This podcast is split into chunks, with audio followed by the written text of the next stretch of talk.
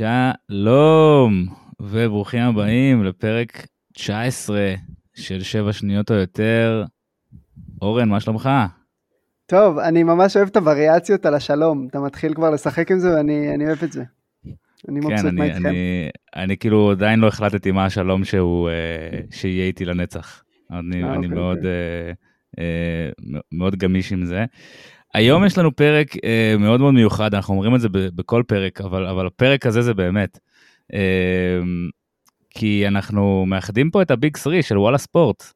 אה, אורן ו- ואני זה הדיינמיק דיו שתמיד איתכם, והיום הבאנו איתנו אה, את אה, אסף רביץ הגדול, שלקח את הכישורים שלו מוואלה ספורט והביא אותם ל- אה, לפודקאסט שלנו, הצנוע, אה, שבע שניות או יותר. אה, מה נשמע, אסף? מה שלומך? אה, בסדר גמור, אה, וואי, כיף אה, להתארח. זה באמת, נכון, היינו ביחד בוואלה באותה תקופה, נכון? כן, כן, כן, כן, כאילו, היה לנו אתה- כמה, כמה שנים. אתה OG, אבל אנחנו הצטרפנו, נכון? כן, כן, אני, אני, אני באמת חייב להגיד שמבחינתי זה ממש ממש כיף שאתה פה. אה, באמת, עוד לפני שהתחלתי לכתוב בכלל וזה, הייתי קורא את, ה, את הכתבות שלך בוואלה בשקיקה, ובאמת זה, זה כתבות, אני חושב שהן באמת ברמה אחת מעל כל דבר אחר שיש בארץ, אה, וזה גרם לי גם באיזשהו מקום לרצות ל, אה, אה, להתחיל לכתוב ו, ו, ולהיות חלק מה, מהתחום הזה. אז באמת מהצד שלי זה מאוד מאוד סגירת מעגל פרטית כזאת וזה מאוד מאוד נחמד. אה, אורן, יש לך עוד דברים לפני שנצליל, לפני שנתחיל לצלול פה לעניינים? אה, לא, אני אוהב את ה theme של הביג 3, סבבה לי אה, בכריס בושיותי אה, להצטרף, זה נחמד. סבבה. אני, מוכן לקחת על עצמי את הדוויין. וייד. כן, יש לנו פרק ממש ממש מגניב, כי לברון ג'יימס שבר אתמול את שיא הנקודות, שזה big deal, שיא שהיה קיים מאז ש... אני, לא, לא, אף אחד לא שבר אותו בימי חיי, אז זה באמת משהו שהוא חד, חד פעמי. אבל באמת לא הקלטנו פרק עשרה ימים, אני חושב, הרבה, a lot has happened בתקופה הזאתי. אה, אז לפני שאנחנו כבר, אתה יודע, נשים את הזרקור על לברון, כי באמת אה, אה, מגיע לו, אה, יש איזה משהו שאתה, אורן או אסף, אתם רוצים לדבר עליו, חשוב לכם לדבר עליו ב, ב, מכל הדברים שקרו בעשרה ימים האחרונים, ה trade על קיירי, קאם תומאס הופך להיות מייקל ג'ורדן, כאילו משהו מהדברים האלה. אה, כן, אה, בוא... כאילו, אני תכננתי להגיד שבוא לא נדבר על קיירי כדי לראות איך אנחנו כן מדברים על קיירי, אבל אז הרסת לי ושאלת את זה בצורה נורא יפה ו... וזה, אז, אה, אז אני לא יכול לעבוד עליך. כן, בוא נדבר על קיירי. קיצור, אני חושב שזה ראוי. אה, שקיירי מנסה לגנוב את אור הזרקורים אה, מלברון, זה לא תהיה הפעם הראשונה. גם יש מצב שזאת לא הפעם האחרונה עם איך שהקריירה של קיירי מת- מתקדמת. האמת ש- שהדבר היחיד ש- שאני הייתי מופתע ממנו ב- באירוע הזה, זה איזה אה, חבילת נכסים לא רעה קיבלה ברוקלין על שחקן שהוא 4 months rental, יש סיכוי לא רע שהוא יהיה 4 months rental, כאילו וזה, אני חושב שזאת חבילה יפה ל-4 months rental ב- כן. באופן כללי. אה, וזו חבילה יפה על performance rental של קיירי ארווינג, שהוא עוד יותר מוסיף אה, עוד אלמנט של אי ודאות לתוך הדבר הזה. אה, ואני חושב שזה פשוט כאילו מפתיע אותי שבסוף כן. דאלאס לא, בעקבות ה trade הזה אני לא חושב שדאלאס יכולה לקרוא לעצמה favorite־ית לאליפות. זאת אומרת, אני לא חושב שהם יותר טובים מבוסטון או מלווקי או דנבר, ואפילו מהווריורס בריאים אני לא חושב שהם, שהם הם יותר טובים כרגע. אבל עדיין הם, הם 2029 בחירה זה בחירה אמיתית. דוריאן פיני סמית זה שחקן יוספול, ספנסר דימוידי גם. אמ, וזה הפתיע אותי שהם הם היו מוכנים to pull the trigger על, על קיירי ברמה כזאתי, אמ, ברמה שאני אומר אולי אני מפספס משהו, כאילו הפעם האחרונה שהרגשתי ככה לגבי לא, לא, trade, אתה לא, אתה לא מפספס זה, כלום. זה ה trade של ראסל ווסטברוק, שבסופו של דבר יצא שצדקנו כולנו, אבל כאילו זה, כן, כן, זה, ה vibe שאני... אוקיי, אז אני שמח שאני בחדר שכולם מסכימים איתי. אסף, אה, מה אתה חשבת? לא, איך- אני הרגשת? מסכים חלקית בוא נגיד. אה, אני חושב שברגע ששמעתי את זה, תוך כמה דקות נעתי מ... אין לי מושג מה הולכים לתת עליו, למה שמישהו ייתן עליו משהו, ל... וואלה, אני יכול לספור כמה וכמה קבוצות שיש להן סיבה טובה לעשות את ההימור הזה. וברגע שיש כמה אז מתחיל מרוץ חימוש. ו... Mm-hmm. וגם קבוצות שיש להם מה לתת, אני חושב, הלייקרס עם הבחירות שלהם זה כנראה לא עניין באמת את, את ברוקלין, עכשיו גם יש דיבורים על זה שהם בכוונה לא רצו לתת את אה, קיירי ללייקרס ולברון, אה, אבל אפשר למצוא צד שלישי ויש את הקליפרס שלדעתי היו צריכים ללכת על זה מאוד חזק, אם כבר קבוצה שאולי זה כן יהפוך אותה למועמדת בכירה אם זה מתחבר הכל ביחד. אה, יש את פיניקס שגם לא הצלחתי לדמיין איך זה אמור לעבוד, את מי הם אמורים לתת שגם ברוקלין יכולה לרצות אה, בצורה כזאת. דאלאס נשארה אצלי מין קבוצה שלא כל כך חשבתי, כי חשבתי שהם כן הולכים לחכות לקיץ למהלך יותר uh, אמין. Uh, יכול להיות שהם באיזה תחושה שלא יהיה להם משהו בקיץ. שוב יהיו תלויים באיזה ברדלי ביל שמחפש, באיזה לילארד שמחפש, ואם אין אז אין. Uh, ואז שוב להיתקע עם אותה קבוצה שלא הולכת לשום מקום. Uh, אני כן מבין באיזושהי רמה את ההימור הזה בסופו של דבר. Uh, אני גם כן חושב שקיירי עם החוזה שהוא רוצה, לא יודע כמה קבוצות באמת יוכלו להציע לו את זה בקיץ שרלוונטיות בשבילו. הלייקרס לא יהיה להם מספיק, למשל. למה? הלייקרס יכולים לפנות את ה... או גם הלייקרס יכולים לפנות סכום משמעותי, לא max אבל כמעט max, וגם דיברו על זה ש... שהוא יכול לבוא אליהם בפחות, וגם אם יש שחקן בעולם הזה שאני חושב שיכול להפתיע אותנו מבחינת הסכומים שהוא לוקח. זאת אומרת, רואים שכסף מאוד חשוב לו והערכה והחוזה וכל זה, אבל זה, זה לא בדיוק בן אדם צפוי, אפשר בלשון המעטה, והלייקרס יכולים לפנות מספיק כסף ולהגיד לו זה כל מה שיש לנו, קח את זה והוא ייקח. וגם, כאילו רוי חצ'ימורה זה לא, זה לא השחקן שלא הייתי עושה את זה בשבילו עם כל הכבוד. אה, אז אני, אז אני לא בטוח, זאת אומרת, אה, ובכלל, כאילו, להיות בביזנס, של אה, לנסות לצפות מה, מה קיירי יעשה, זה נראה לי, זה נראה לי מסוכן, וגם זה גם חלק מהבעיה כאילו עם, ה, עם ההחלטה של דאלאס, שהם שילמו מחיר מלא על, על שחקן שהוא לא, שהוא לא reliable, כאילו, אני, אני הייתי בשוק, כאילו, לא הייתי בשוק בגלל שדאלאס עושים דברים כאלה. לא הייתי בשוק, וגם אני אגיד יותר מזה, זה שדאלאס עשו את זה זו הוכחה בשבילי שזאת החלטה לא טובה כבר, זאת אומרת אני ככה חושב עליהם, זאת אומרת שהקבוצה הזו מראה, וקיובן באופן ספציפי, מראים אה, אה, נטייה לסמוך על האנשים הלא נכונים, ואני חושב שזה כבר נהיה סוג של פטיש של לנסות להמר על, ה- על, ה- על האנשים האלה שיש להם אה, נקרא לזה אישיות מוקצנת כזאת, כאילו כדי להוכיח שזה יכול לעבוד וזה יכול להיות מגניב וזה יכול... ואתה רואה את זה עוד פעם ועוד פעם גם עם בוב וולגריס ועם כל מיני עוד הרבה הרבה דמויות, ג'ייסון קיד, כל מיני דמויות כאלה, בעיניי זה שדאלאס עשתה את זה, ואני גם קצת אצטט פה, אני לא זוכר אם זה היה מאט מור או, או סת' פארטנאו אמרו את זה באיזה פודקאסט, שאם אתה הגעת למצב שאתה צריך להביא את קיירי ארווינג ב trade, אז אתה לא צריך להביא את קיירי ארווינג, אז אתה רחוק מדי בשביל, זאת אומרת, הוא לא ה...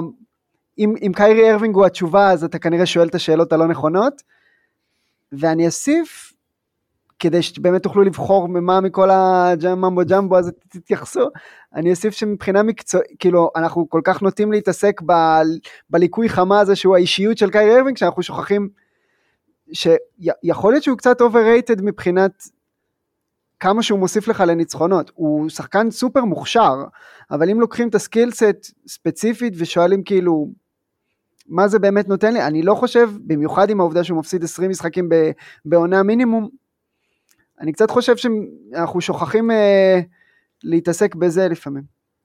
זהו. Amen to that. Uh, אני, אני באמת uh, מסכים עם כל מה ש, שאמרת אורן ו, ואני חושב שדאלאס לקחו פה סיכון שהוא uh, לא סביר. הוא סיכון לא סביר אני חושב בטח כשיש לך שחקן כמו לוקה. Uh, מצד שני באמת כמו שאסף אמרת יכול להיות ש, שאין להם עוד move יכול להיות שבאמת זה ה move כאילו הם הסתכלו על ה landscape אמרו אוקיי בקיץ לא אין איזה free agent שמגיע או, או אבל מה הלחץ? הוא בן 23, לוקה בן 23, זו העונה הראשונה שלו בחוזה. זה, זה מה שאני זה מה שאני גם כן אה, אה, לא מבין את, ה, את הרצון ללכת אול אין על העונה הזאת ובטח אול אין עם שחקן שאתה יודע קריס ורנון אמר את זה יפה של מי שהתגרשה מכוער משלושה בעלים כבר, אתה לא, אתה לא חושב שיקרה משהו שונה עם הבעל הרביעי.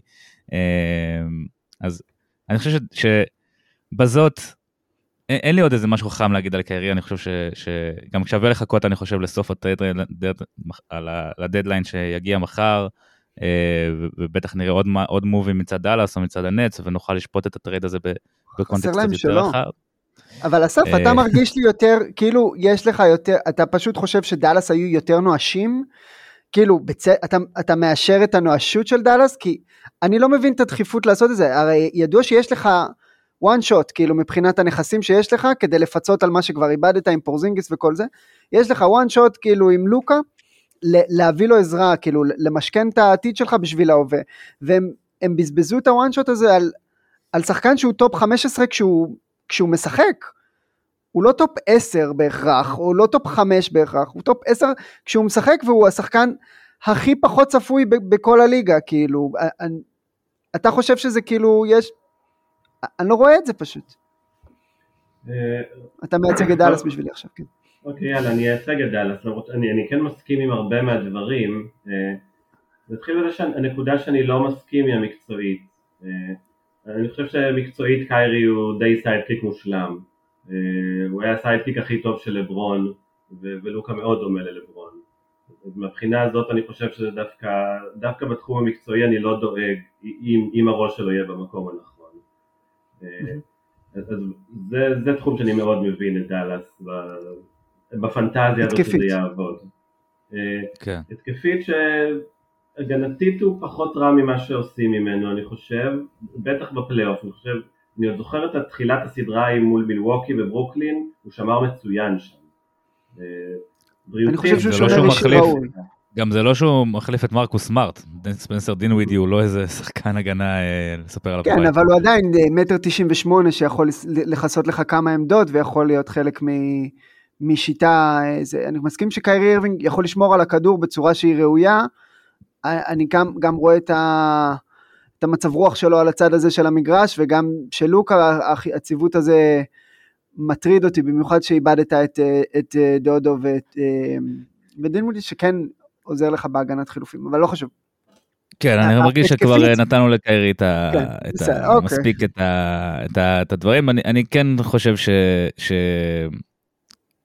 צריך לשפוט את הדבר הזה אחרי שנראה את כל, כל המובים של, הד, של הדדליין. אה, בטח עד שתשמעו את זה כבר, תדעו כבר מה, מה קרה ב, בדדליין. אה, ואני רוצה ש, שנעשה רגע את המעבר מקיירי והתיאוריה של קיירי וכל הדברים המוזרים שקיירי מביא איתם, לדברים המדהימים שראינו מלברון ג'יימס לאורך הקריירה. ואתמול לברון ג'יימס שבר אה, את שיא הנקודות של ה-NBA, שזה שיא שקרים אבדול ג'אבר החזיק יותר מ-30 שנה, יותר מ... סליחה, כמעט 40 שנה, אמ, ו...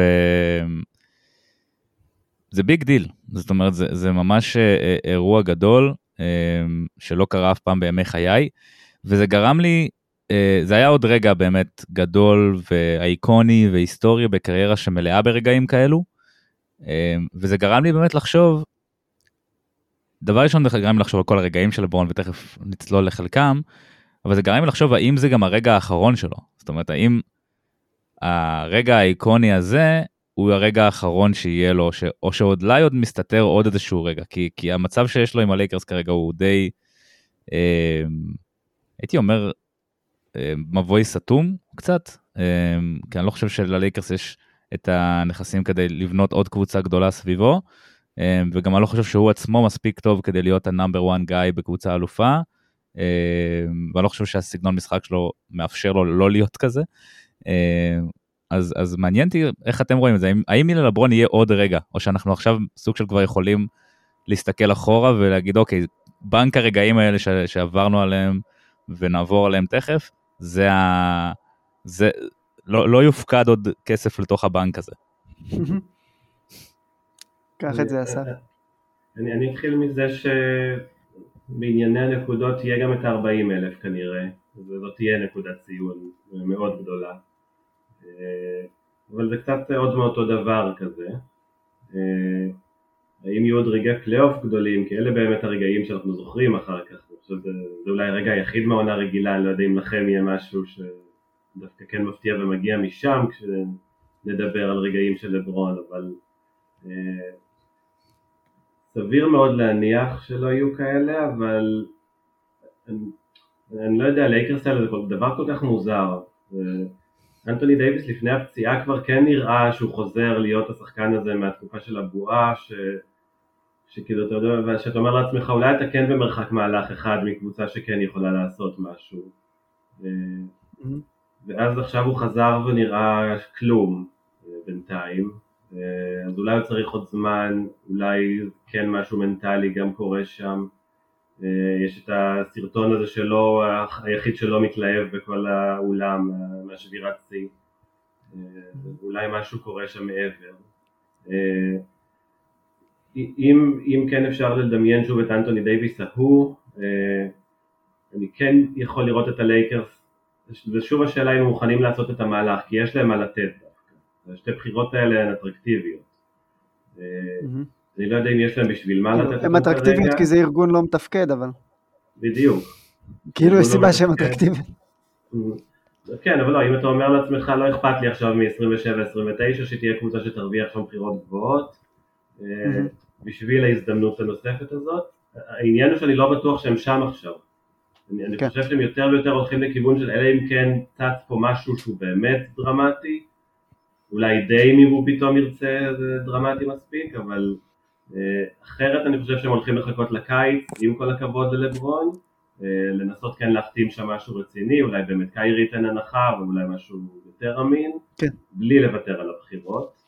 אה, ואז זה עוד שנה, וכל שנה בכל זאת, מתישהו ייגמר הדבר הזה שאנחנו רואים, שנקרא לברון ג'יימס, כמו שהוא כרגע. כן, אבל כמו שאתה אומר, זה באמת יכול זאת אומרת, אתה יכול לראות עולם שבו זה מסתדר כבר בשנה הבאה לקבוצת פלייאוף לכל הפחות, זה הדבר הראשון שנראה לי חשוב לזכור, שדברים משתנים מהר בליגה הזאת, ב, ב, לפחות בעשור האחרון אנחנו רואים שה turnover הוא הרבה יותר מהיר ואפשר לדלג מקבוצה רעה לקונטנדרית אה, די מהר, במיוחד אם אתה בשוק כמו אה, לוס אנג'לס, עם אה, שחקן בקליבר של, של לברון וגם של דייוויס. שבאמת ה peak של דייוויס הוא באמת מאוד מאוד גבוה.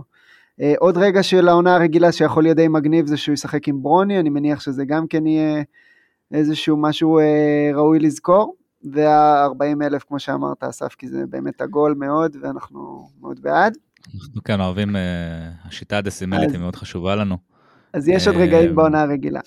אבל אני גם חושב שהם יכולים עוד לעשות משהו בפלייאוף, אה, וגם אם זה לא בגמר, כאילו פשוט הרף שג'יימס הציב לעצמו הוא, הוא כל כך גבוה, אבל זה לא אומר ש, שאין דברים מרגשים שקורים בסיבוב הראשון של הפלייאוף או בסיבוב השני. אה, וגם אני לא פוסל אפשרות, באמת, אם יש משהו ואנחנו נדבר על ה legacy, כאילו, כל הזמן מאיימים שאנחנו נדבר על המורשת של ג'יימס בסוף בפרק הזה. אם יש משהו במורשת של ג'יימס זה שהוא האדון לעצמו, ושהוא קובע לעצמו את מהלך הקריירה שלו, וזה לטוב ולרע. ואני לגמרי רואה אותו עושה מה שבא לו כדי נגיד לשחק עם ברוני, זה יכול בטעות להיות באיזה קונטנדרית בלי לשים לב, או, או לקחת את, את, כזה תפקיד אחר בקבוצה שהיא כבר מוכנה ל, להתחרות, אני כן רואה אותו עושה את זה דווקא בניגוד אליך יובל. אמ, זה יכול לקרות, אני לא אומר שלא, אני פשוט חושב שהסיכוי שהוא ייקח אליפות כמיין גיא, זה מאוד תלוי בקבוצה שתהיה סביבו, ואני חושב ש... זה לא חייב להיות המיין גיא. כן, אבל אני חושב שהסגנון משחק שלו הוא כזה שלא, קצת, קצת כמו ווסטברוק, שלא מסוגל לא להיות המיין גיא. אמ, זה, יש משהו כזה בלברון, כאילו, הוא, הוא צריך את הכדור, כאילו, כדי להיות, אה, אה, כדי להיות לברון. יכול להיות שהוא ימציא את המשחק שלו בסוג, בצורה אחרת, ונראה איזושהי פאזה אחרת של לברון, אה, שמשחקת עוד 3-4 שנים, כי אני חושב שהוא יכול, אה, כל עוד המוח שלו שם, אה, אז, אה, אז, אז אולי, אבל אם אני צריך לנחש, אני חושב שזה היה הרגע הגדול האיקוני האחרון בקריירה של לברון, יכול להיות שיהיו עוד רגעים מרגשים, אבל הם לא יהיו באותו סטנדרט של מה שהתרגלנו אליו כבר. Mm. ועכשיו זה המקום בעצם לדבר על אה, על המשימת שיעורי בית שלקחנו פה לעצמנו, אה, אה, שבעצם רצינו לדבר על לברון באיזשהו קונטקסט מסוים, והדרך אני חושב שהכי טובה, אני חושב אולי לדבר על לברון, זה לבחור רגע, רגעים מהקריירה שלו. ולהבין מה יש ברגע הזה שמעניין אותנו או מסמל בפנינו, בינינו את, ה, את הקריירה שלו, שהיא באמת אחת הקריירות, אם לא ה. זאת אומרת, זה, זה אפשר להתווכח, השחקן הכי גדול, לא השחקן הכי גדול, הוא בטוח, ב, הוא, הוא שם, באטמוספירה המאוד מאוד דלילה הזאת ש, שנמצאים בה אולי שלושה ארבעה שחקנים אה, בכל ההיסטוריה של המשחק. ואסף, ניתן לך את הכבוד בתור האורח המכובד שלנו. אה, איזה רגע של לברון ג'יימס הכי נגע בך אה, לאורך הקריירה? אה, היו המון באמת לבחור מהם. הלכתי בסוף על משחק, אני לא יודע איך אתם מגדירים רגע, מבחינתי משחק זה נחשב רגע. כן. אחד שאני מרגיש שקצת נשכח עם השנים, אבל לי מאוד חקוק כאיזושהי נקודת מפנה בדרך שאני חושב על לברון ג'יימס, וזה משחק 6 מול בוסטון ב-2012. איך אני שמח שבחרת את זה. זה, שנים דיברו על זה כמשחק הכי גדול של לברון, מאז היו כבר מועמדים אחרים שכנראה יזכרו יותר. אה, אני עדיין חושב שזה עשוי להיות המשחק הזה, אה, הכי גדול שלו. אה, נתחיל במספרים, הוא כלל שם 45 נקודות ב-19 מ-26 מהשדה, וזה במשחק שנגמר בבלואאוט, ובאיזשהו שלב לדעתי בכל 4-5 דקות האחרונות הוא לא שיחק פשוט. היה יכול להגיע שם ל-50 וגם לדעתי 60 די בקלות אם, זה היה משחק צמוד. אה, ואני חושב שבשביל הקונטקסט צריך לחזור קצת אחורה. אה, קל לשכוח איך זה נראה ב-2012, הקריירה של לברון, המעמד שלו, איך שמסתכלים עליו כשחקן פלייאוף. אה, זה היה אחרי הפריצה הזאת ב-2007 עם המשחק ההוא מול דטרויט, זה גם היה אחד המועמדים של 48 נקודות. אבל שם הוא עוד אנדרדוג, הוא עוד ילד, ואז שהוא התחיל להיות פייבוריט שנה אחרי שנה, אכזבות, ש... שגם התחילו לראות שזה יושב עליו. ב-2010 נגד אותה בוסטון הוא די קרס, ואז עזב את קליבלנד, יצר טריו במיאמי, וגמר מול דאלאס, שם זו הייתה הקריסה הגדולה ביותר שלו, כולל משחק של שמונה נקודות בגמר. ואז מגיע, מגיע 2012, ושוב מסתבך הפלייאוף, סיבוב קודם סיבוב שני נגד אינדיאנה, לא קבוצה שאמורה להפריע, אבל דוויין ווייד פצוע חלק מהזמן, פיגור 2-1, שם יש לו כבר משחק גדול של 38-19, משהו באזורים האלה. ואז מגיעה סדרה נגד בוסטון, מובילים 2-0, בוסטון הופכת ל-3-2, זאת עדיין בוסטון כבר זקנה, אבל עדיין של הטריו הגדול עם רונדו שהופך להיות אולי השחקן הכי טוב שם. כן, אבל חשוב להזכיר שבוסטון באותה עונה הגיעו מהמקום הרביעי, זאת אומרת, הם, הם, הם, דרק רוז נפצע בסיבוב הראשון עם שיקגו, ואז בוסטון קיבלו את פילדלפיה בסיבוב השני, וגם כן לקחו אותם לפי דעתי לשבעה משחקים או משהו כזה, אם אני זוכר נכון. ו- כן. והם הגיעו, זה, זה היה ברור שכאילו מיאמי הפיבוריטית פה. כן, כן, מיאמי פיבוריטית ברורה, אבל זאת עדיין, זה בוסטון, זה השחקנים האלה שכבר הגיעו למעמדים האלה, ושוב נראה שהם מצליחים לעשות את זה. והתבריינו על ג'יימס ספציפית, זאת אומרת, הם, הם אה, ממש נכנסו לו לראש מבחינה מנטלית והתגאו בזה, ו... אמ, זאת אומרת, יש איזו טינה מאוד מאוד גדולה שלהם כלפיו בשלב הזה, נכון? זאת אומרת, הם, הם האמינו שהם שברו אותו, נכון? זאת אומרת, לאורך הסדרה הזאת. אה, כן, אני לא זוכר ספציפית את הסדרה, ב-2010 בטוח זה היה דומיננטי. אה, אבל זה בטוח נשאר, היריבות שכבר הייתה, אני חושב שמיאמי כן ניצחה את בוסטון די בקלות שנה לפני זה, אם אני לא טועה. נכון, נכון, ב-2011 הם ניצחו אותם 4-1, ולברון זה היה ממש רגע מאוד מאוד חשוב מבחינתו. אוקיי, אני מדבר ממש בכללי, כאילו על הביג 3 של בוסטון, אה, והאמונה שלהם שהם יכולים כאילו, זה, זה, זה גם אם הם אה, הפסידו, יכול להיות שאני כאילו מבלבל שם את השנים, אבל מבחינת האנימוסיטי, כאילו הרגש הזה שמה, כאילו, זה לא אה, יריבות ספורט, זה יריבות, יריבות. כן, בדיוק, ובדיוק בגלל זה זה גם בוסטון ובבוסטון, אה, אל תתקילו אותי איזה אולם זה היה באותם ימים, אה,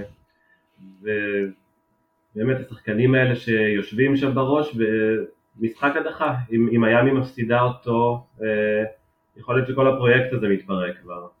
כן. ולברון מגיע, ומגיע חד בצורה שבאמת אני לא חושב שראיתי אותו, בטח בסיטואציה כזאת אי פעם. אני חושב שהסיפור שם הוא כמעט לא הגיע לצבע. זה 19 מ-26, רובן קליעות מחצי מרחק. בפנטזיה שלי שזכרתי את זה, זכרתי אותו ממש יוצא מחסימות ועולה לזריקות. אז ראיתי עכשיו תקציר, זה לא היה ככה. זה היה בעיקר פוסט-אפים רחוקים כאלה. כל מיני זריקות ב fadeaway, שאני באמת לא חושב שהיה לו אי פעם משחק כזה, גם אחרי כמעט לא היו משחקים, שזה הנשק שלו. שככה הוא כן. מנצח משחק כל כך חשוב. היה, אה, היה סדרה נגד אה, טורונטו, שגם כן הוא קצת נכנס למוד הזה של ה fadeaway, שיחק הורס, כאילו שיחק חיובים עם עצמו כזה, אה, אבל, אבל, אה, אבל בטח ב-2012, עם כל הביקורת עליו וכל הלחץ, שהרבה מה, מהלחץ שאתה מתאר כאילו אה, התנקז לזה שהוא לא קולע מבחוץ ושהוא לא מצליח להיות דומיננט. בצורה הקלאסית הג'ורדנית הזאת, כאילו מבחינת מה שהתקשורת ביקשה ממנו לעשות. אז ממש היה שם משהו שהוא קצת אפילו מזכיר לי את המשחק הזה, שהוא עכשיו, אה, שהוא עכשיו שיחק נגד אוקלאומה סיטי, שלברון ג'יימס הוא פשוט מספיק טוב כדי להחליט שהוא עושה את זה. זאת אומרת, אה, אה, הרבה שחקנים, גם השחקנים הכי טובים, הם מתפוצצים אז הם מתפוצצים, זאת אומרת, יש להם זון, הם נכנסים לזון. לברון יכול ממש לתעל את, ה, את העליונות הפיזית המטורפת הזאת ומתי שהוא רוצה ולהחליט אוקיי אני בן 38 אני עונה 20 בליגה אני הולך לקלוע עכשיו 36 נקודות. למה? כי, כי אני יכול. אה, ואז אז גם ההחלטה המודעת לעשות את זה וגם אשכרה להצליח לעשות את זה זה שני דברים מאוד לברונים שמאוד מזכירים לי את המשחק הזה. וכמו שאתה מתאר העובדה שזה היה בבוסטון והכל עם ההבעה המאוד סטואית הזאת הלברונית של כאילו שלא להראות שום רגש, אבל אתה יודע שבפנים כאילו הכל כזה מתחולל. זה בהחלט רגע מאוד מאוד לברוני, ואני אגיד שהייתי מאוד מאוד מתוסכל אם אף אחד מאיתנו לא היה בוחר משהו מהמשחק הזה, אז אני ממש, אה, אני שם איתך. לגמרי, לגמרי, לגמרי. אני, אני ממש שמח שבחרת את המשחק הזה. אני, אני כשעשיתי, ב, כמו שאמרתי, השיטה הדסימלית מאוד חשובה לי, אז בסוף 2020 עשיתי אה, אה, דירוג של עשרת המשחקים הגדולים של העשור. וזה היה המקום ראשון. כי, כי באמת במשחק הזה, זה לא היה משחק דרמטי. סליחה, אני לא חושב, אולי זה היה מקום שני, כן. וגיים סיקס של, סליחה, זה היה מקום שלישי, אני כבר מבלבל לגמרי, ו game six של, game 7 של 2016 מן הסתם היה מקום ראשון, ו game six של 2013 היה מקום שני, אבל אה, המשחק הזה היה מקום שלישי, לא היה בו דרמה, כאילו לרגע, הוא היה גמור כבר מהרבע השני בערך, אבל כן. היה בו כל כך הרבה על הכף, זאת אומרת, היה ללברון באמת, המסלול של הקריירה שלו השתנה לחלוטין אחרי המשחק הזה, נהיה סופר קשה להיות סקיפ בייליס אחרי המשחק הזה, אחרי המשחק הזה, זאת אומרת, אתה לא, י... כאילו אני הייתי hater של לברון בשנים כן. ההם, אחרי שהוא היה את ה decision, אני הייתי לגמרי hater של לברון, אני טיילתי בדרום אמריקה בזמנו, אני זוכר שממש חיכיתי למשחק הזה וחיכיתי לראות את ה... הייתי נכנס לוואלה, כי זה היה אתר שלי, הייתי נכנס לוואלה ומחכה לראות את ה... חיכיתי לראות את ה... את ה... את ה headline שאומר כאילו עוד פעם לברון קורס או משהו כזה, והיה שם בסוף המשחק היה כתוב סתימת הפיות הכי גדולה בהיסטוריה, משהו כזה, זה היה הכותרת. ואמרתי, אוקיי, משהו פה השתנה, כי כאילו זה היה לא צפוי. זה היה, הצ, הצפי היה, אוקיי, הנה לברון הולך לקרוס שוב. משחק קודם, משחק לפני זה, פול פירס דפק עליו שלושה במיאמי, שניצחה את המשחק, ואמרת, אוקיי, הנה עוד פעם פול פירס מנקנק אותו. ו... ולברון בא ונקנק את בוסטון לגמרי בבוסטון, זה... אחר כך גם אם היה עוד משחקים שאתה יודע, הוא עוד לא היה, כאילו דבר ראשון אחר כך לא היה משחקים שהוא לא היה טוב בהם, משחקים גדולים שהוא לא היה טוב בהם, זאת אומרת זה, זה ידעת שיש משחק גדול, לברון יהיה טוב בו, וגם אם לא, ידעת אוקיי, הוא טוב כי אני, אני ראיתי אותו בגיים 6 של 2012 בגמר המזרח, שזה מבחינתי כאילו היה טבילת אש הכי צורבת שיכולה להיות, ש... אם, אם הוא עשה את זה, אז he's a real one. זאת אומרת, הוא, אי אפשר לטעות פה, זה, זה, זה, האמת יצאה לאור במשחק הזה. אה, זו בחירה מהממת בעיניי, ואני שמח מאוד שגם נתנו לה את הכבוד בבחירה הראשונה, כי אני באמת חושב שזה המקום שבו הקריירה של לברון כאילו, הוא, הוא כאילו, הוא תפס את הזרם, כמו, ב, כמו ברפטינג כזה, בהתחלה שאתה לא מוצא את, ה, את הדרך, פתאום המשחק הזה הוא כאילו פתאום עלה על הזרם הנכון, ופשוט שט לארבע אליפויות ו- וכל כך הרבה רגעים uh, מטורפים אחר כך. אוי, זה נהדר. אני שמח מאוד. זה נהדר שאתה מתאר את זה ככה, כי אני חושב שבחרת פה, כאילו, זה הרגע שבו זה השתנה בשבילך, וזה באמת רגע שבו זה השתנה בשביל הרבה מאיתנו, אבל לאורך קריירה של 20 שנה, לברון לימד את, כאילו, הוא קצת עשה שיעור לתרבות הספורט באשר היא, כאילו, אה, במובן של אה, כולנו השתננו, הוא השתנה, זאת אומרת, הוא התפתח, הוא התבגר, ואנחנו היינו צריכים לעדכן את התפיסות שלנו אל מול לברון החדש בכל פעם. זאת אומרת, יש פה אה, שחקן ש... הוא היה צריך לעבור איזה משהו, אבל על הדרך גם אנחנו עברנו את זה. עכשיו, אני, זה, זה נשמע מאוד שמלצי וקלישאתי, אבל אני ממש מנסה להגיד, אמ, דיברת על סקיפ בייליס, שהוא באמת קריקטורה של הדבר הזה, אבל כאילו, אמ, אם לברון ג'יימס היה צ'וקר ואז הפך לווינר, וזה לצורך העניין, אני לא יכול ליישב את הסוגיה הזאת בלי להתפתח בתור בתור צרכן ספורט, אתם מבינים למה אני מתכוון? וכולנו עברנו את התהליך הזה, ש... אה, כאילו כולנו, הרוב המכריע עבר את התהליך הזה ביחד עם, אה, עם, עם לברון, פשוט בגלל שהקריירה שלו הייתה כל כך ארוכה והוא עשה כל כך הרבה בקריירה שלו, בשביל שנבין את זה. אז אני מקווה ש... ש... שהצלחתי להסביר מה שהיה לי בראש, אבל אה, ממש הצחיק אותי איך שתיארת את זה, זה בדיוק, ה... זה, בדיוק זה. אני שמח ש... שנהנית מזה. אה, אורן, ספר לי מה הרגע ש... שנגע בך הכי הרבה בקריירה של לברון. אמ, אז היו, אה, היו לי כמה שהחלטתי כזה להתלבט ביניהם. אני רוצה, אני לא אתחכם, אני אלך על, על האליופ של, אה, שווייד נתן לו במשחק מול מילווקי. התמונה המפורסמת ש, שלברון עם הכדור באוויר ווייד כבר חוגג את הדנק בלי להסתכל. זה אולי קצת רגע יותר מדי של וייד בשביל לבחור אותו פה, אבל אני חושב שהוא מאוד מייצג. קודם כל זו תמונה איקונית ממש, ויש בה, אמ, יש בה כל כך הרבה מהקסם של, של הכדורסל ושל NBA שאתה חייב כאילו, שאני חייב להתייחס אליה מבחינת, בתור גרפיקאי. אה, אז זה, זה אלמנט אחד שמאוד חשוב לי, וגם וגם יש שם משהו שהוא מאוד מאוד לברוני במובן של, אם תסתכלו על הפרצוף שלו בתמונה הזאת, כאילו אני, אני אפילו, היא לא מולי, כאילו אני זוכר את זה, הוא, הוא פשוט עם, ה, עם אותו מבט כזה, עם הפה סגור והמבט, הפוקוס הזה, ולא, בלי, בלי הבעה, וסביבו כאילו יש את, ה, את ההתלהבות, ולברון תמיד היה כזה ש... שמצפה שאנחנו נחגוג בשמו, ואני לא אומר את זה לשלילה, אני אומר כאילו, הוא מצפה שהמעשים שלו ידברו בעד עצמם במובן הזה, והוא פחות, אה, הוא משאיר את החגיגות לווייד במקרה הזה, ו, וחשבתי שהיה שם משהו שהוא, כי, כי לברון הוא לא, תסכימו איתי שהוא לא תפס את הקהל אה, כפרפורמר כמו אחרים בסקאלה שלו. אה, או אפילו מתחתיו. אני, אני, אני, אה, אני מדבר פה על קונצנזוס. ל...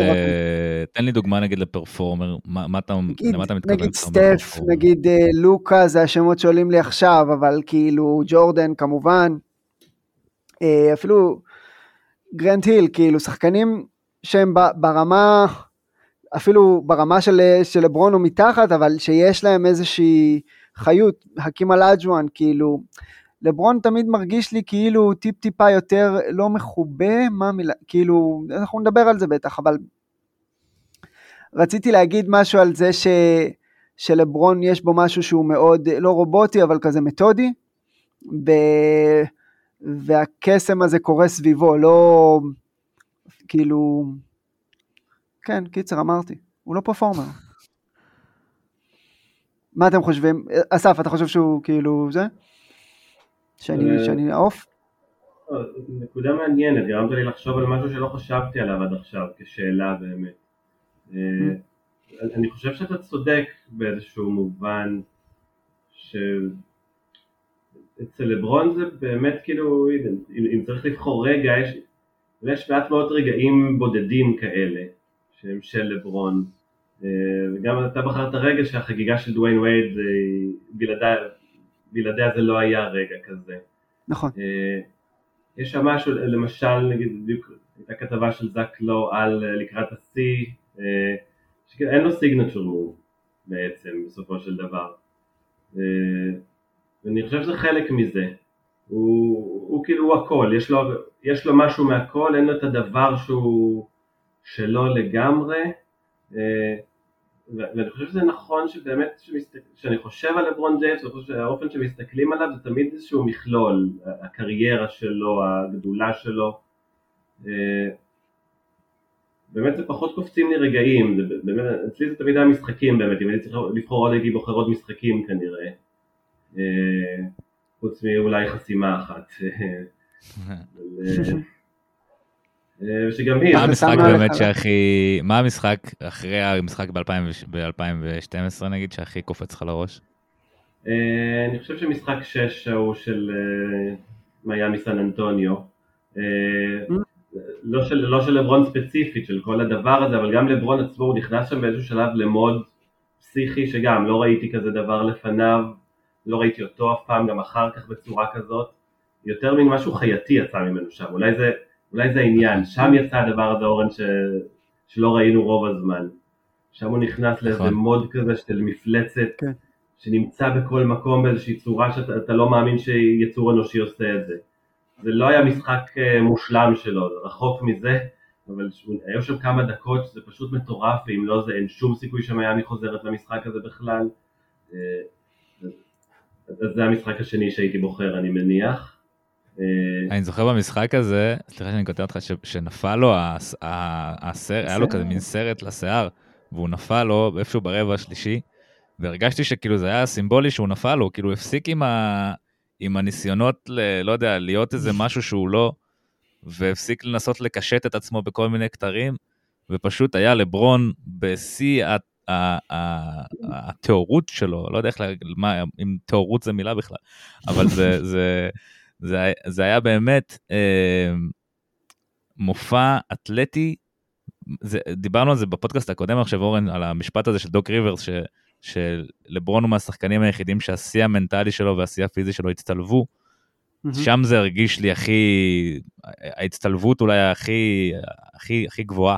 Mm-hmm. גם הפיזיות וההבנת משחק והאינטליגנציית משחק והיכולת שלו להניע את כל, הח... את כל החתיכות מסביבו איך, ש... איך שהוא רוצה ו... והרגשת אותו בכל פוזיישן, זה לגמרי אחד המשחקים הגדולים שלו, ואני גם חייב לדבר על 2018, Game 1, למרות שזה, נכון. הם הפסידו את המשחק הזה אה, בצורה קורת לב עם, עם ג'ייר סמית, אה, אבל זה היה משחק שלא לא יכלתי כאילו, ל, ל, אי אפשר היה לבקש משחק יותר מושלם משחקן. אה, כן. למרות שהוא עשה 10 מ-11 מהקו, אם הוא היה קולע את ה-11 אז הם מנצחים. אבל, אה, אבל אה, חוץ מזה באמת משחק, מושלם. חוץ מזה שהוא הפסיד בעצמו את המשחק, הם היו מנצחים. כן, לגמרי. לגבי הנקודה שאתה אמרת על הדנק של לברון, מפתיע אותי שבחרת דווקא את הרגע הזה דרך אגב. כי כאילו זה מין רגע כי אני אומר, דווקא מבחינת אה, דנקים של לברון, כאילו, אני, אני גם, signature move אני חושב שהדבר היחיד שבאמת קרוב לזה זה, זה ה chase down block שלו, אבל אה, כן. מבחינת דנקים של לברון אני חושב ש...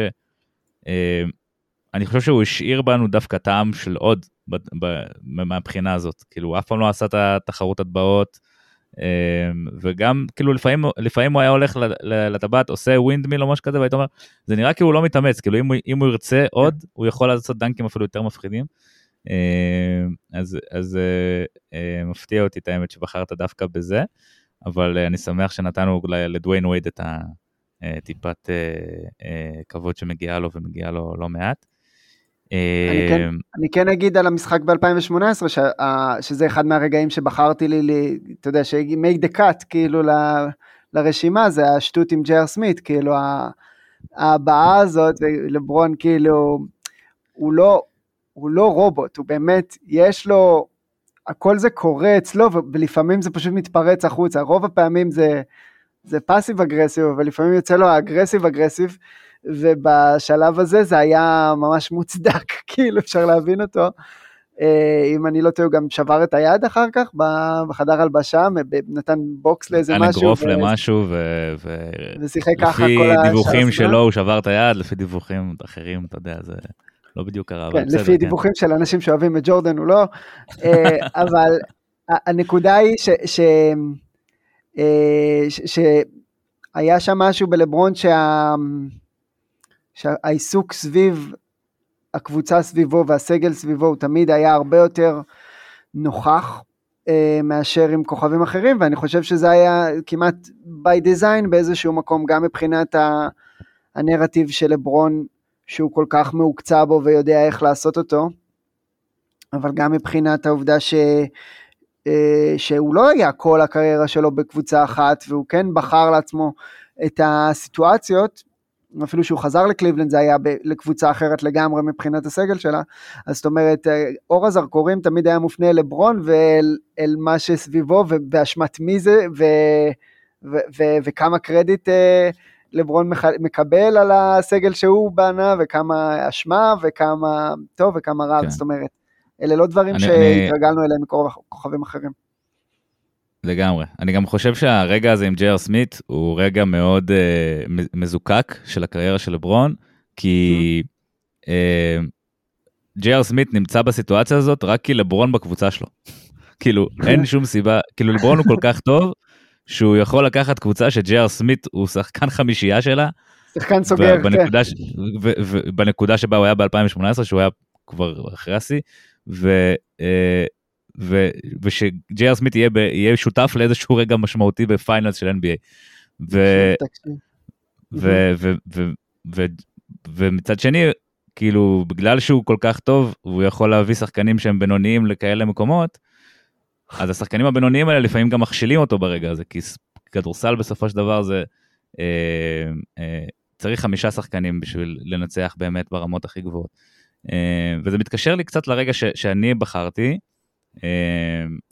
שזה אחד הרגעים הבודדים שבהם לברון אני חושב התמסר לרעיון הזה של קבוצה, והיה חלק מקבוצה, וזה ההרלם שייק עם, אה, עם מיאמי ב-2013. אוי, נהדר. אה, ואני אתן קצת קונטקסט למי שלא מכיר, הרלם שייק היה משהו מאוד טרנדי בשנת 2013, זה מין ריקוד מטומטם שאנשים היו עושים באינטרנט, איזה מוזיקה שהייתה מתנגנת, אנשים היו רוקדים לה.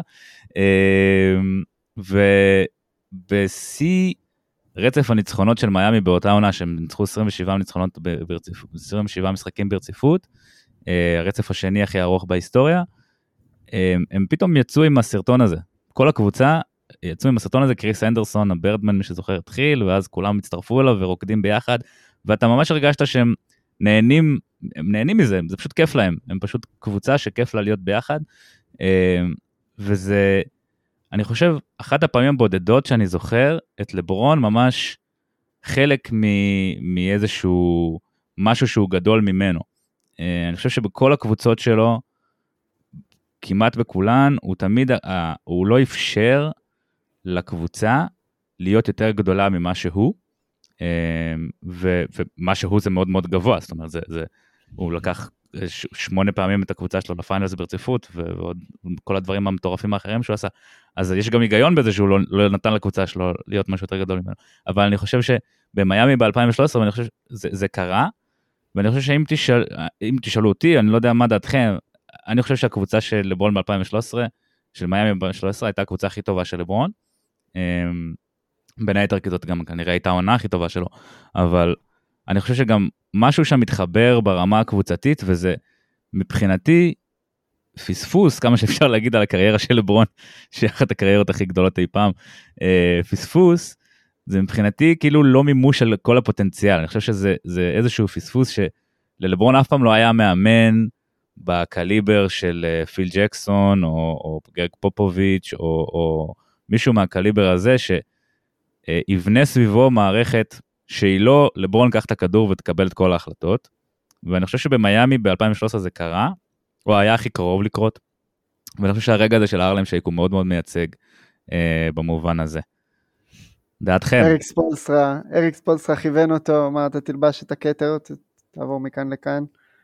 נכון, בהרלם שייק אתה חושב שהוא ביים? סתם, אסף, מה אתה חושב על הטייק הזה? הייתה קבוצה יותר טובה? אה, קודם כל אני מאוד מאוד אוהב את הרגעים שלכם. אה, אני חושב שזה ניסיון להבין מכל מיני זוויות את הדמות הזאת, בדיוק בכתבה שכתבתי עליה, טענתי אחת הדמויות המרתקות של המאה ה-21, לא רק בספורט.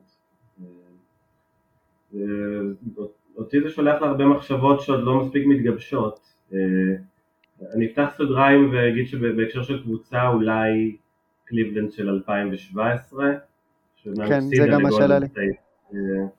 אבל היה שם גמר אדיר פשוט, כדורסל ברמה באמת הכי גבוהה שיש. ו... ואלה השתיים, אני לא חושב שיש עוד מועמדת אמיתית אצל לברון. אני, אני מסכים מאוד שהרבה עניינים של נסיבות. הוא לא קיבל קבוצה עם מישהו כמו סקוטי פיפן אפילו, ובטח לא מאמן כמו פיל ג'קסון.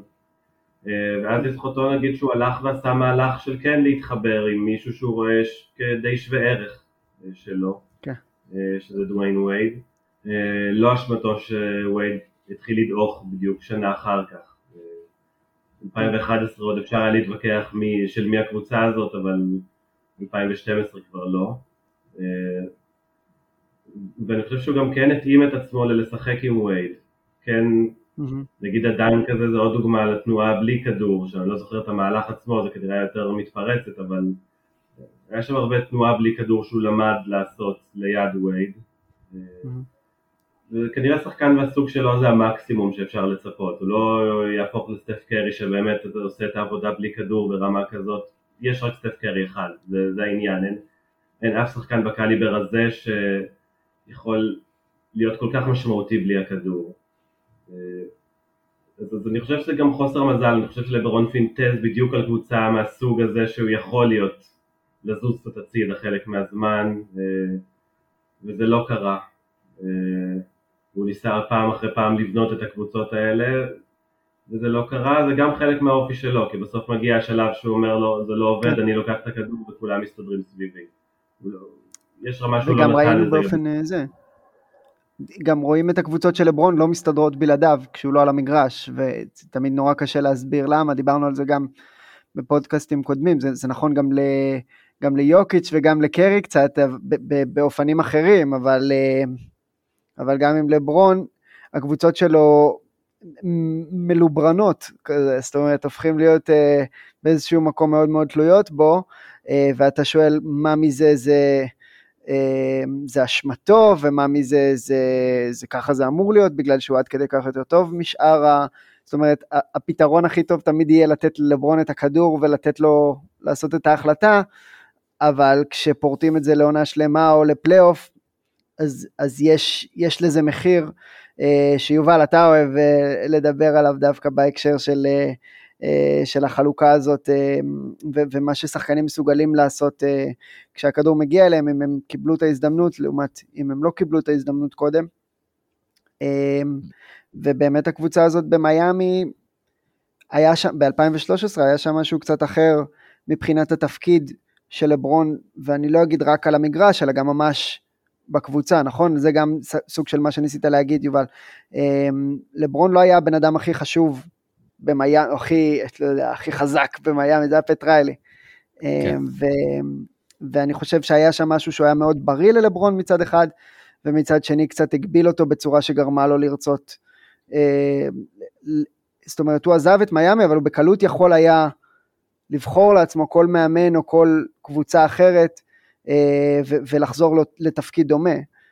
לברון בחר לחזור להיות הדיקטטור,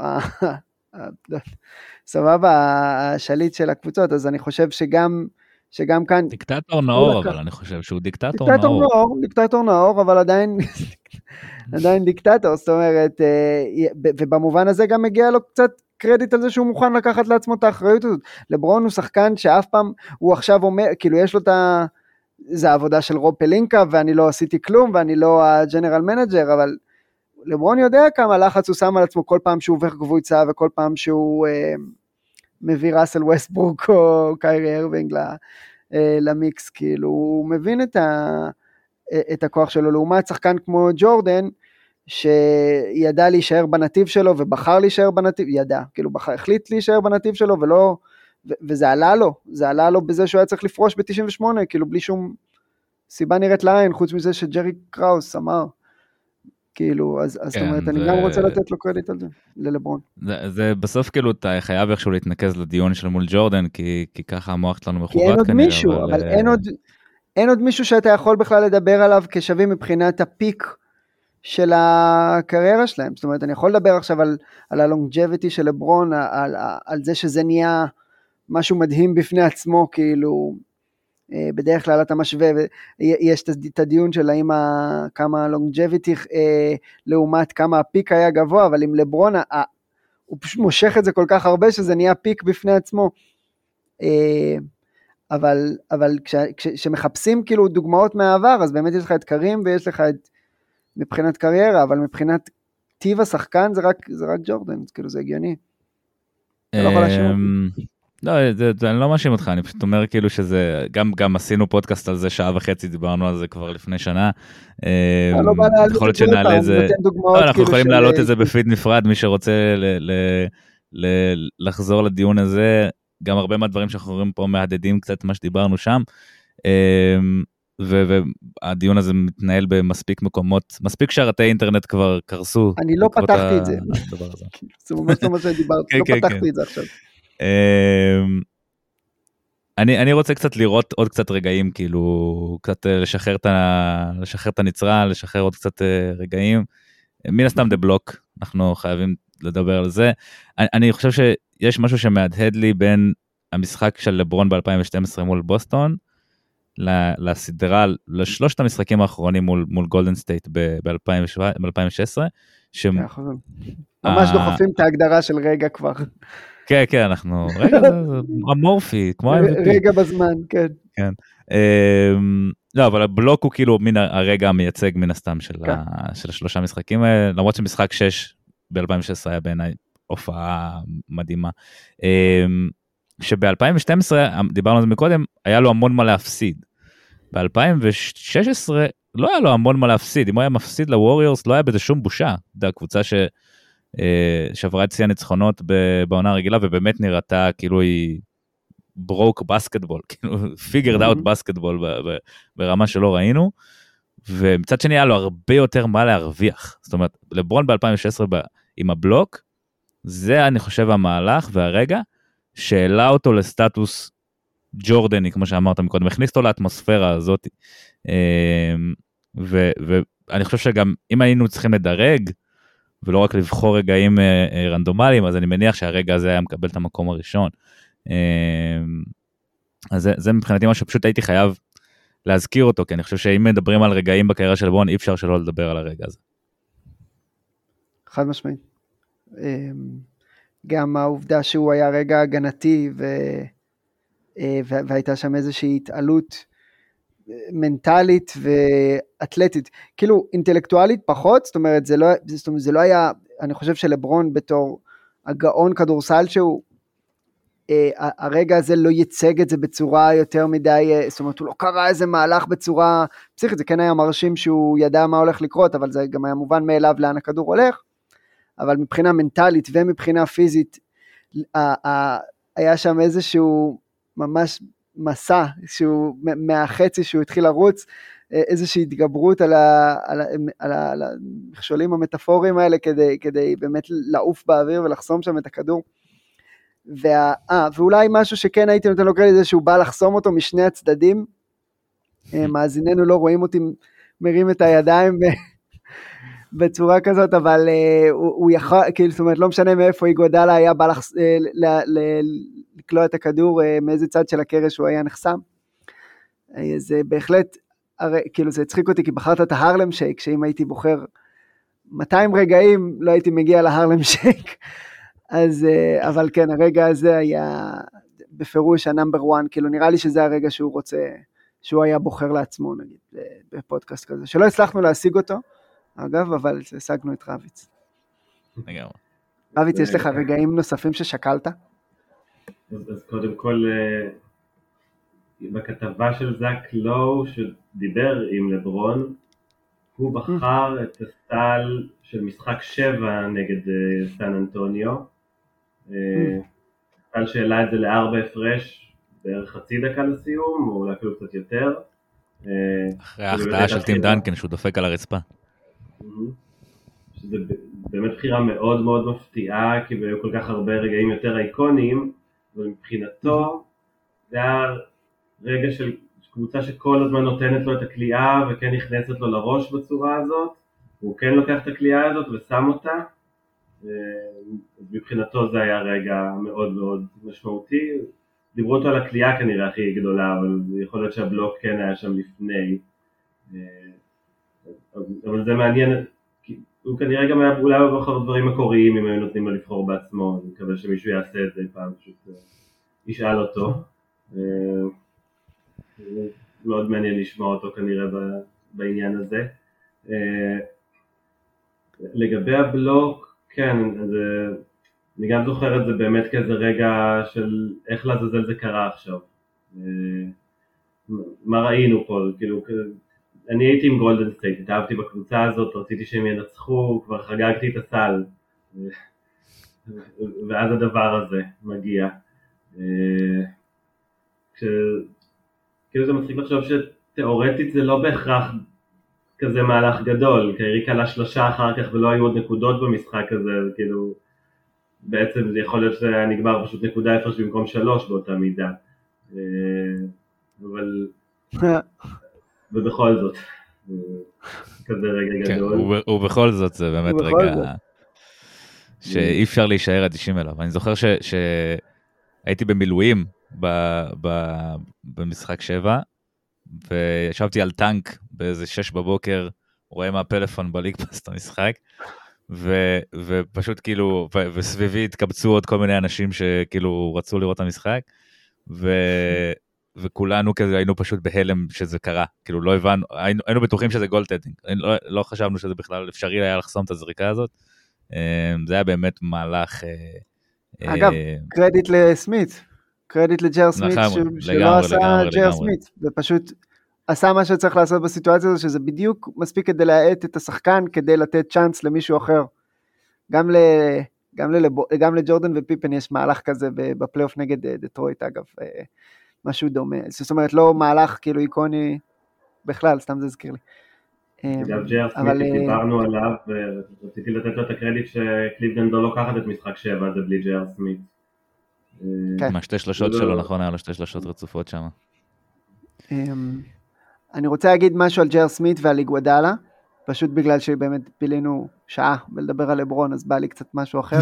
אז לג'ר סמית, אה, יש את הג'אמפ שוט הכי יפה בהיסטוריה של הליגה לדעתי, זה, זה דבר אחד, וגם הדבר לגבי גוודאלה, שזה קצת שייד על גוודאלה, אבל לא באמת, שיש לו משהו ב, ב, בצורה שבה הגוף שלו זז, בצורה שבה הוא משחק, שהוא קצת נותן איזה אקסטרה ביט כזה מיותר. ואני חושב שזה טיפ טיפה התבטא בסל הזה, למרות שאני לא באמת יכול להאשים אותו, כאילו, בכל 100, לא, 99 מתוך 100 פעמים זה, זה סל קל, אבל uh, יש איזשהו משהו שהוא קצת אוף ביט, לפעמים זה עובד לטובתו, אבל רוב הזמן אני חושב שהתנועה, שיש לו איזה אקסטרה תנועה. Uh, וזה התבטא בעוד מקומות, לא רק במהלך הזה, אבל זה משהו שחשבתי שזאת הזדמנות טובה לדבר עליו. עוד רגעים שלי היו, אם אני חוטף אותנו כבר, זה השלשה מול אורלנדו, ב... איזה גמר זה היה? בגמר המזרח. 2009 אה, אני מניח. 2009, נכון, במשחק מספר 2, נכון, הם uh, במינוס, uh, זאת אומרת, אם מפסידים את המשחק הזה הם ב-0-2, הפסידו את שני משחקי הבית, והוא, הציל אותם מלטעות ההפסד, עם שלשה והחגיגה אחר כך שהייתה יותר אותנטית מרוב החגיגות האחרות שראינו ממנו, אז זה משהו שרציתי להזכיר, וגם היה רגע, אני לא זוכר באיזה, באיזה פלייאוף או באיזה שלב בפלייאוף שהוא נפצע, אה, שהוא פגע עם הראש במצלמה שעל ה baseline, וירד כן. לו דם, וה, והכרוז היה, היה בכזאת פאניקה שהוא ניסה להרגיע את כל השאר, שהיה שם משהו שהוא מאוד, אה, כאילו חשבתי על הרגע הזה ממש, ובתור אולי לבחור את זה, כי היה שם משהו שהוא מאוד מסמפל, כן, מסמפל את ההשפעה של לברון על קליבלנד, וה... המהות שלו, כמה הוא גדול, כמה הוא חשוב לדבר הזה, שהכרוז בעצמו צריך everybody calm down כזה, אמ, ואיכשהו, זה, זה הזכיר לי שהוא עזב את קליבלנד, אז, אז עסקים כאילו ממש אה, נפגעו, וכזה שהוא חזר לקליבלנד, העיר פורחת, כאילו יש איזה אפקט משונה על העיר הזאת, אה, ועל אה, זה, כן, על התעשייה בכלל. ועוד דבר אחרון, זה, זה, טוב, לא חשוב, די, דיברתי מספיק, יש לי עוד רגע. אני, אני רק חייב להכניס עוד רגע אחד, ואז כבר נארוז את זה ל-MVP השבוע, שאני מניח שהוא יהיה לברון. um, um, I scratched it. אני חושב שאני, אני, אני, הרגע הזה הוא בעיניי, יש לי לברון הרבה מאוד רגעים on the court, obviously, ויש לו הרבה מאוד רגעים משמעותיים off the court, the כן. decision, מן הסתם זה הבולט שבהם. אמ, ששינה לך, כאילו הוא, הוא רגע שמאוד מאוד מסמל את המעבר, אה, את השינוי ב-power of balance בין הקבוצות לשחקנים. אה, ו-I scratched it, שזה מה שהוא אמר במסיבת עיתונאים אחרי שהוא כלה את הגיים ווינר אה, מול שיקגו ב-2015, I scratched it, ואז כזה מין חיוך ממזרי כזה למצלמה. ממש דבר ראשון דחף את, את דיוויד בלאט מתחת לאוטובוס, אבל זה כאילו הרגע שמשלב בין השניים, כאילו הוא משלב כן. בין הגדולה של לברון על המגרש, והרצון שלו להיות דומיננטי off the court, ולהיות, להחזיק את המקל בשתי, בשתי קצותיו, מה שנקרא. אה, וזה משהו שלאורך ההיסטוריה המודרנית לצורך העניין, אה, לא, לא, בדרך כלל לא עובד. זאת אומרת, אנחנו רואים מאמנים שהם גם general manager, זה בדרך כלל לא עובד, אתה בצליח, לא מצליח לתעדף את, ה, את העתיד על פני ההווה ולהפך.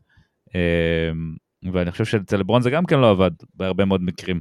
אה, מה שאנחנו רואים בלייקרס, אני חושב שזו דוגמה טובה. אבל אני חושב שזה הרגע שמאוד מאוד מסמל את ה... את זה שהוא משחק בשני מגרשים בו זמנית. זאת אומרת, הוא, הוא לא רק שחקן שאומרים לו מה לעשות והוא עושה, הוא שחקן ש... אני חושב שזו משימה בלתי אפשרית להיות המאמן של ברון ג'יימס באיזשהו מובן. בטח למישהו מאמן רוקי כמו שדייוויד בלאט היה באותה עונה, למרות שהוא לא אוהב שקוראים לו מאמן רוקי. אה, אז, אז זה משהו שאני, רגע שפשוט אה, חשוב לי להזכיר במובן הזה. כן, גם התחלנו לגעת בזה אה, קודם. כן, כן אסף יש לך עוד רגעים או שאנחנו כבר נמשיך למפגש? אני אגיד משפט על הרגע הזה ואני אכניס רגע משלי. אה, שבאמת אני חושב שדייוויד בלאט לא היה לו מספיק ביטחון בשביל אה, לזרום פשוט עם לברון בצורה, אני לא זוכר איך הוא הגיב בדיוק, אבל אה, פשוט להגיד כן, תכננתי תרגיל, לברון אמר זה שלי, נתתי לו שזה שלו, ולברון אומר שאני לוקח את זה, אז שייקח את זה. אני לא חושב שזה כאילו, מעיד על איזושהי בעיה של מאמן בסיטואציה כזאת, להפך. כן. אבל הרגע הנוסף אני אתחיל עם רגע שלא לא רציתי לבחור, דיברנו על השכל, הצד האינטלקטואלי, הדרך שהוא קורא את המשחק, אז אני חושב שהרבה הזכירו את ה-assist no look הזה, ששני שחקנים הולכים החוצה והוא מוסר פנימה. Mm. אה, אבל אני דווקא, הרגע של השכל של לברון מבחינתי זה הסל אה, ניצחון על אינדיאנה, אני לא זוכר אם זה 2013 או 2014, במשחק הראשון. אה, פיגור נקודה, נשארות כמה שניות, אה, אינדיאנה מוציאה את רוי היברט, ואז הוא מקבל כדור ובתנועה אחת פשוט עובר נדמה לי את פול ג'ורג' וחותך ללאה. כן. אה, כולם ציפו שלא לא יהיה לו זמן לזה, רק לעלות לזריקה, הוא פשוט עבד על כולם, אפשר להגיד, קרא את המ... היה שני מהלכים לפני כל אחד אחר שם על הפרקט ועל הקווים, אז אני חושב שזה כן רגע מייצג של, של, של הדבר הזה של לברון, שהוא עם הזמן גם נהיה לגמרי שני מהלכים אה, לפני כולם, אני חושב שכל הבועה הוא היה שני מהלכים לפני כל אחד אחר, אה, אז זה עוד רגע שרציתי להכניס פה. בהקשר הפי, המנטלי גם עולה לי השאלה של העיתונאי במשחק מול הסלטיקס באיזה, באיזה, באיזה פלייאוף, אחד מהעשרים, שהוא שואל אותו מה קרה בתחילת הרבע הרביעי? בקטע של כאילו נחלשתם נורא והם יצאו לאיזה ריצה, אז במקום לענות לו בצורה עניינית לברון פשוט אמר לו מהלך מהלך מה קרה, וכאילו זה היה מאוד מאוד מרשים שיש לו את הזיכרון הצילומי הזה והוא כזה, זה היה דרך, מהרגעים היחידים שבאמת ראינו הצצה לזה, איך שהוא קורא את המשחק הזה היה מעניין. וגם passive aggressive בצורה לברונית ומעניינת, וגם מבחינה פיזית דיברת על ההתפוצצות הזאת מול, של הצעד הראשון מול פול ג'ורג' שבאמת היה פסיכי לגמרי, וגם זה מזכיר לי, וינס קרטר היה לו איזה סל ניצחון כזה נגד, אה, אני חושב, יוסטון, כשהוא היה בטורונטו. שהאתלטים הכי הכי טובים בעולם, שיש להם אפילו אקסטרה גיר, שמגיעים ל-100% אתלטיות שלהם ממש פעם ב.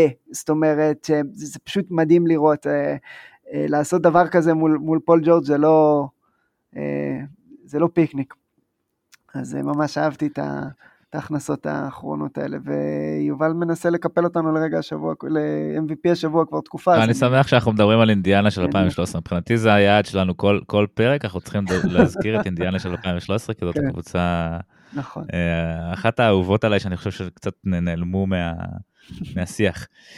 אה, כן, אנחנו יכולים להמשיך פה באמת לעוד אה, שבוע נראה לי, אם אנחנו רוצים להעלות רגעים של לברון, אבל אני חושב שעשינו את זה, עשינו עבודה טובה, אני חושב, במיפוי הרגעים המשמעותיים והמעניינים, אה, ונשמח גם לשמוע אם יש למאזיננו עוד רגעים שאתם חושבים שפספסנו, שאנחנו צריכים אה, אה, לשים עליהם את הזרקור. ונסיים MVP השבוע. יש לכם מישהו שאתם רוצים לדבר עליו חוץ מלברון, שאתם חושבים שמגיע לו את, ה, את הכבוד השבוע? קיירי ארווינג.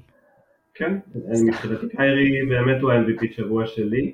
אה, לא בצחוק, אה, כי באמת אין לי מושג למה אתם מתכוונים ב-MVP, אז אני עושה מה שבא לי. אה, הבנת את הפורמט, יפה. יפה מאוד. אז אני חושב שהוא ערבב לנו את כל הדדליין. מאוד פחדתי שזה הולך להיות עוד דדליין כזה של הרבה שמועות ומעט מהלכים, שכאילו כל כך הרבה קבוצות כן צריכות לעשות משהו, כל כך הרבה שחקנים תקועים בסיטואציה שהם לא צריכים להיות בה. ולא יודע, מרגיש שבשנים האחרונות נהיו קצת פחדנים המנג'רים. אה, אז קארי בא וערבב את זה, הכריח כל מיני קבוצות להמר, לחשוב מה הן מוכנות להמר. אולי זה אפילו ישפיע גם על, על הקבוצות שלא קיבלו אותו, כן בכל זאת לעשות איזה מהלך. אה, סביר להניח זה ישפיע על דאלאס להיות פעילה יותר. אה, זה הולך להפוך את היום שנשאר לנו להרבה יותר מעניין לדעתי, וכבר, וכבר זה דדליין מעניין, לא יעזור כלום. תודה לקיירי אורן, יש לך איזה משהו? כן, יש, אה, אני אמור לדעת את השם שלו, אבל יש את הבחור שישב ליד ברוני ג'יימס אה, ברגע שלברון קולע את הזריקה הזאת, והוא לא מצלם, הוא היחיד בלי פלאפון. אה, אז הוא, MVP השבוע של הבומרים. מישהו סיפר, והייתה איזו בדיחה יפה בטוויטר, נרון מראים את התמונה של הטלפונים על לברון לעומת התמונה שכולם מסתכלים על ג'ורדן במשחק 6 yeah. כן. של 98. ואני חייב, חייב להזכיר את ג'ורדן פשוט כדי לעצבן את יובל. שמישהו כתב איזה מצחיק זה היה אם כל מי שראה את אה, ג'ורדן קולע את הזריקה הזאת היה מוציא את הטלפונים הקוויים שלהם כדי לתעד את, ה... לתעד את הזריקה של ג'ורדן. אה, אז אה, זהו. מצלמת קודק כזה. כן, בדיוק, היה את הפולרויד בתקופה הזאת, זה היה חזק. כן. סתם, כן, אה, לברונו, לברונו MVP שלי, אני מצטער. כן, זה נראה לי uh, כזה, זה, זה מיותר, ה-MVP שבוע שבוע, זה ממש כאילו כבר, uh, uh, uh, עשינו את העבודה פה במשך השעה האחרונה. יש לי עוד דברים שאני יכול להגיד על קריס מידלטון ומה שהוא עושה במילווקי, אבל אני חושב שנשמור את זה לפעמים הבאות. Uh, אסף, ממש ממש תודה שבאת, היה לנו ממש ממש כיף. אני מקווה מאוד ממש. שנהנית כמו שאנחנו נהנינו. אה, תודה שהזמנתם אותי, כן, גם לי היה מאוד כיף. אה, אתם מביאים קול אחר אה, ומעניין. השארתם אותי עם מחשבות שאני אקח איתי. תודה לכם. תודה לך, ותודה לאורן, ותודה למאזינים שנשארו איתנו עד, עד הרגע הזה. יאללה, שיהיה לנו שבוע טוב. Bye bye.